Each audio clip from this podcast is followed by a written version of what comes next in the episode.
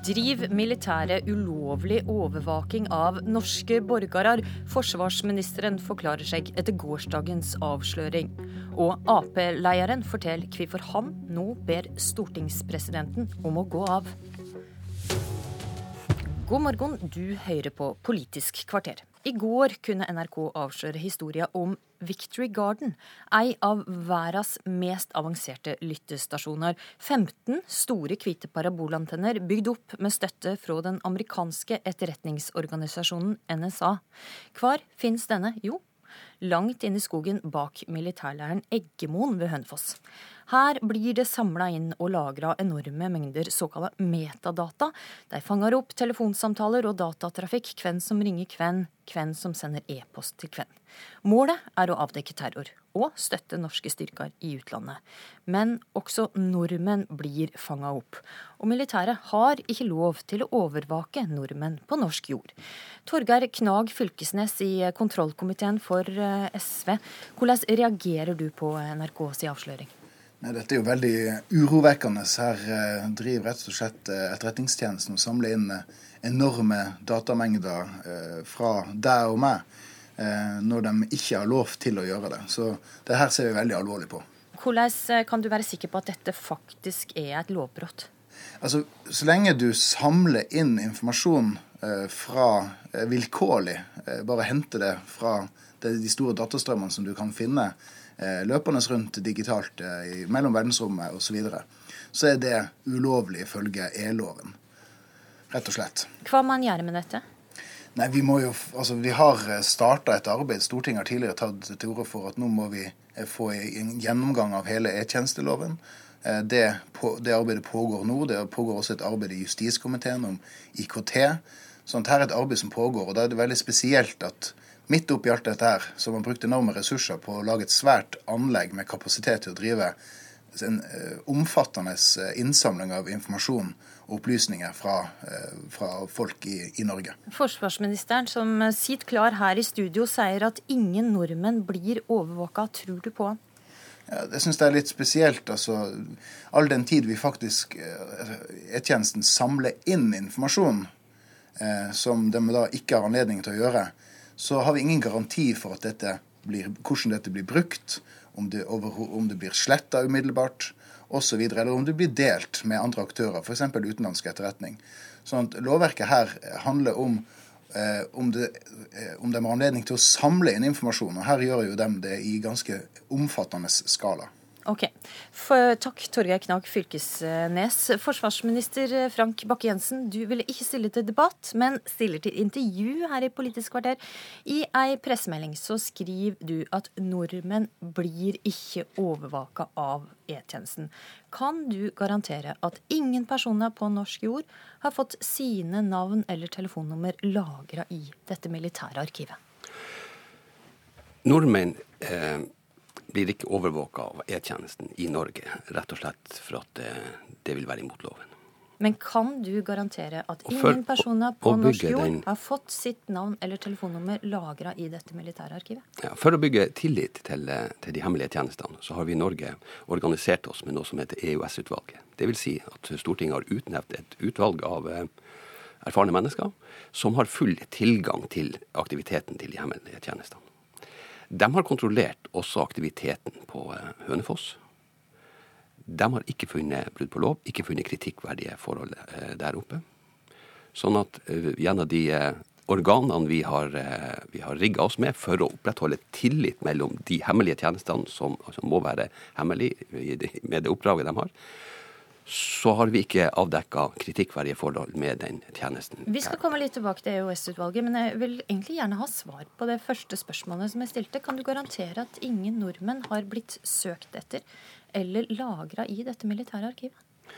Men eh, nå, nå, er det sånn at e-loven, den, den gjeldende e-loven i dag er den som er bakgrunnen for Kan du prøve å eh, svare enten ja eller nei på det spørsmålet? Det er jo et ja- og nei-spørsmål. Nei, det er ikke et ja- og nei-spørsmål. Den gjeldende e-loven i dag Eh, er den som EOS-utvalget forholder seg til og kontrollerer eh, imot. Og EOS-utvalget har altså rapportert til Stortinget at de har kontrollert regelmessig aktiviteten på Hønefoss. De har ikke funnet noe kritikkverdig, ikke funnet noe lovbrudd med aktiviteten der oppe. Men hvis du sier at ingen nordmenn blir overvåka, kan du ikke da også si at ingen nordmenn er i dette arkivet? Men når jeg sier at E-loven, E-tjenesten, ikke har lov å overvåke nordmenn i Norge, og EOS-utvalget, som har tilgang på den aktiviteten E-tjenesten driver, ikke har funnet lovbrudd eller kritikkverdige forhold, så mener jeg det er et godt svar på spørsmålet ditt. Ok, Og EOS-utvalget har eh, da eh, og Elbjørg Røver, lederen i EOS-utvalget, sier at hun er ikke sikker på om denne overvåkinga er heimla i norsk lov. Ja. Der, er ikke det, er det litt... egentlig en ganske alvorlig kritikk? Jo, men, men, eh, det er jo en kritikk som er tatt på alvor. Men, men der er én ting som Hvordan er den tatt på alvor? Ja, vent litt, der er én ting som er viktig. Lederen i Betyr det at det har endra praksis etter at denne kritikken kom? Nei, men lederen i EOS-utvalget sier også at de ikke har funnet lovbrudd, kritikkverdige forhold. Så sier man at den teknologiske utviklinga gjør at dagens lov eh, kan være utdatert, og man har man er usikker på om man har hjemmel for den praksisen. Det er noe som er tatt på alvor av regjeringa før eh, lederen for EØS-utvalget kom med den uttalelsen. Vi starta altså arbeid med å, å, å, jobbe frem en ny e-lov i 2015, og eh, er i god gang med, med det arbeidet nå. Sånn at vi får en e-lov som er oppdatert i forhold til dagens teknologi og det vi kan møte i fremtida. Så den e-loven som vi har i dag, den fungerer ikke optimalt i forhold til den type data vi nå samler inn? Den teknologiske utviklinga gjør at vi alltid må se på, på, lovverket. I forrige uke vedtok vi i Stortinget en ny sikkerhetslov. På bakgrunn av det samme. Teknologien gir oss eh, utfordringer som gjør at vi må modernisere lovverket sånn at det står i stil til vi, den aktiviteten vi har i dag, og den aktiviteten vi ser komme i fremtida. Men er det den lova som det har i dag, som vi følger i dag, er du helt trygg på at den fungerer overfor de metadataene som vi samla inn? Jeg er helt sikker på at den loven vi har i dag, som sier at E-tjenesten ikke har lov å drive overvåking av nordmenn i Norge, er uh, streng nok på det feltet. Det er også det EOS-utvalgets leder sier, de har ikke funnet brudd på loven og ikke funnet kritikkverdige forhold. Men så sier hun uten Men hun er altså usikker, jeg må bare gjenta det, at hun er usikker på om den datainnsamlinga vi driver på, eh, på, eh, ved Hønefoss i dag, om den er i eh, strid med norsk lov eller ikke. Hun er helt sikker på jo, Da kan du jo sitte og si at dette er ikke noen kritikk av Lederen av EØS-utvalget EOS er helt sikker på at det ikke avdekker lovbrudd på aktiviteten på Hønefoss. Det er vi enige om. Så påpeker lederen av EØS-utvalget, når vi òg har sett, at teknologiutviklinga gir oss utfordringer. og Vi er altså i gang med å utforme en ny e-lov, akkurat sånn som eh, representanten Knag Fylkesnes ønska i innslaget før jeg kom eh, i studio. Det arbeidet er godt i gang, og det arbeidet vil gi oss en etterretningslov som også er helt oppdatert på ny teknologi, nye utfordringer som kommer med, med i fremtiden. Er det viktig i den nye e-loven å inkludere innsamling av metadata også av norske borgere? Den, den nye e-loven vil, vil, spenne bredt, og den, vil, den nye e-loven vil treffe bedre på den teknologiske utviklinga. Det er vi helt sikre på. Så skal vi diskutere den nye e-loven når vi har lagt den frem, og da tar vi den gjennom de demokratiske prosessene vi bruker å ta ting gjennom i Norge. Dvs. Si, vi legger det frem for Stortinget, som da innstiller, behandler og vedtar. Takk for at du kom til Politisk kvarter, Frank Bakke-Jensen.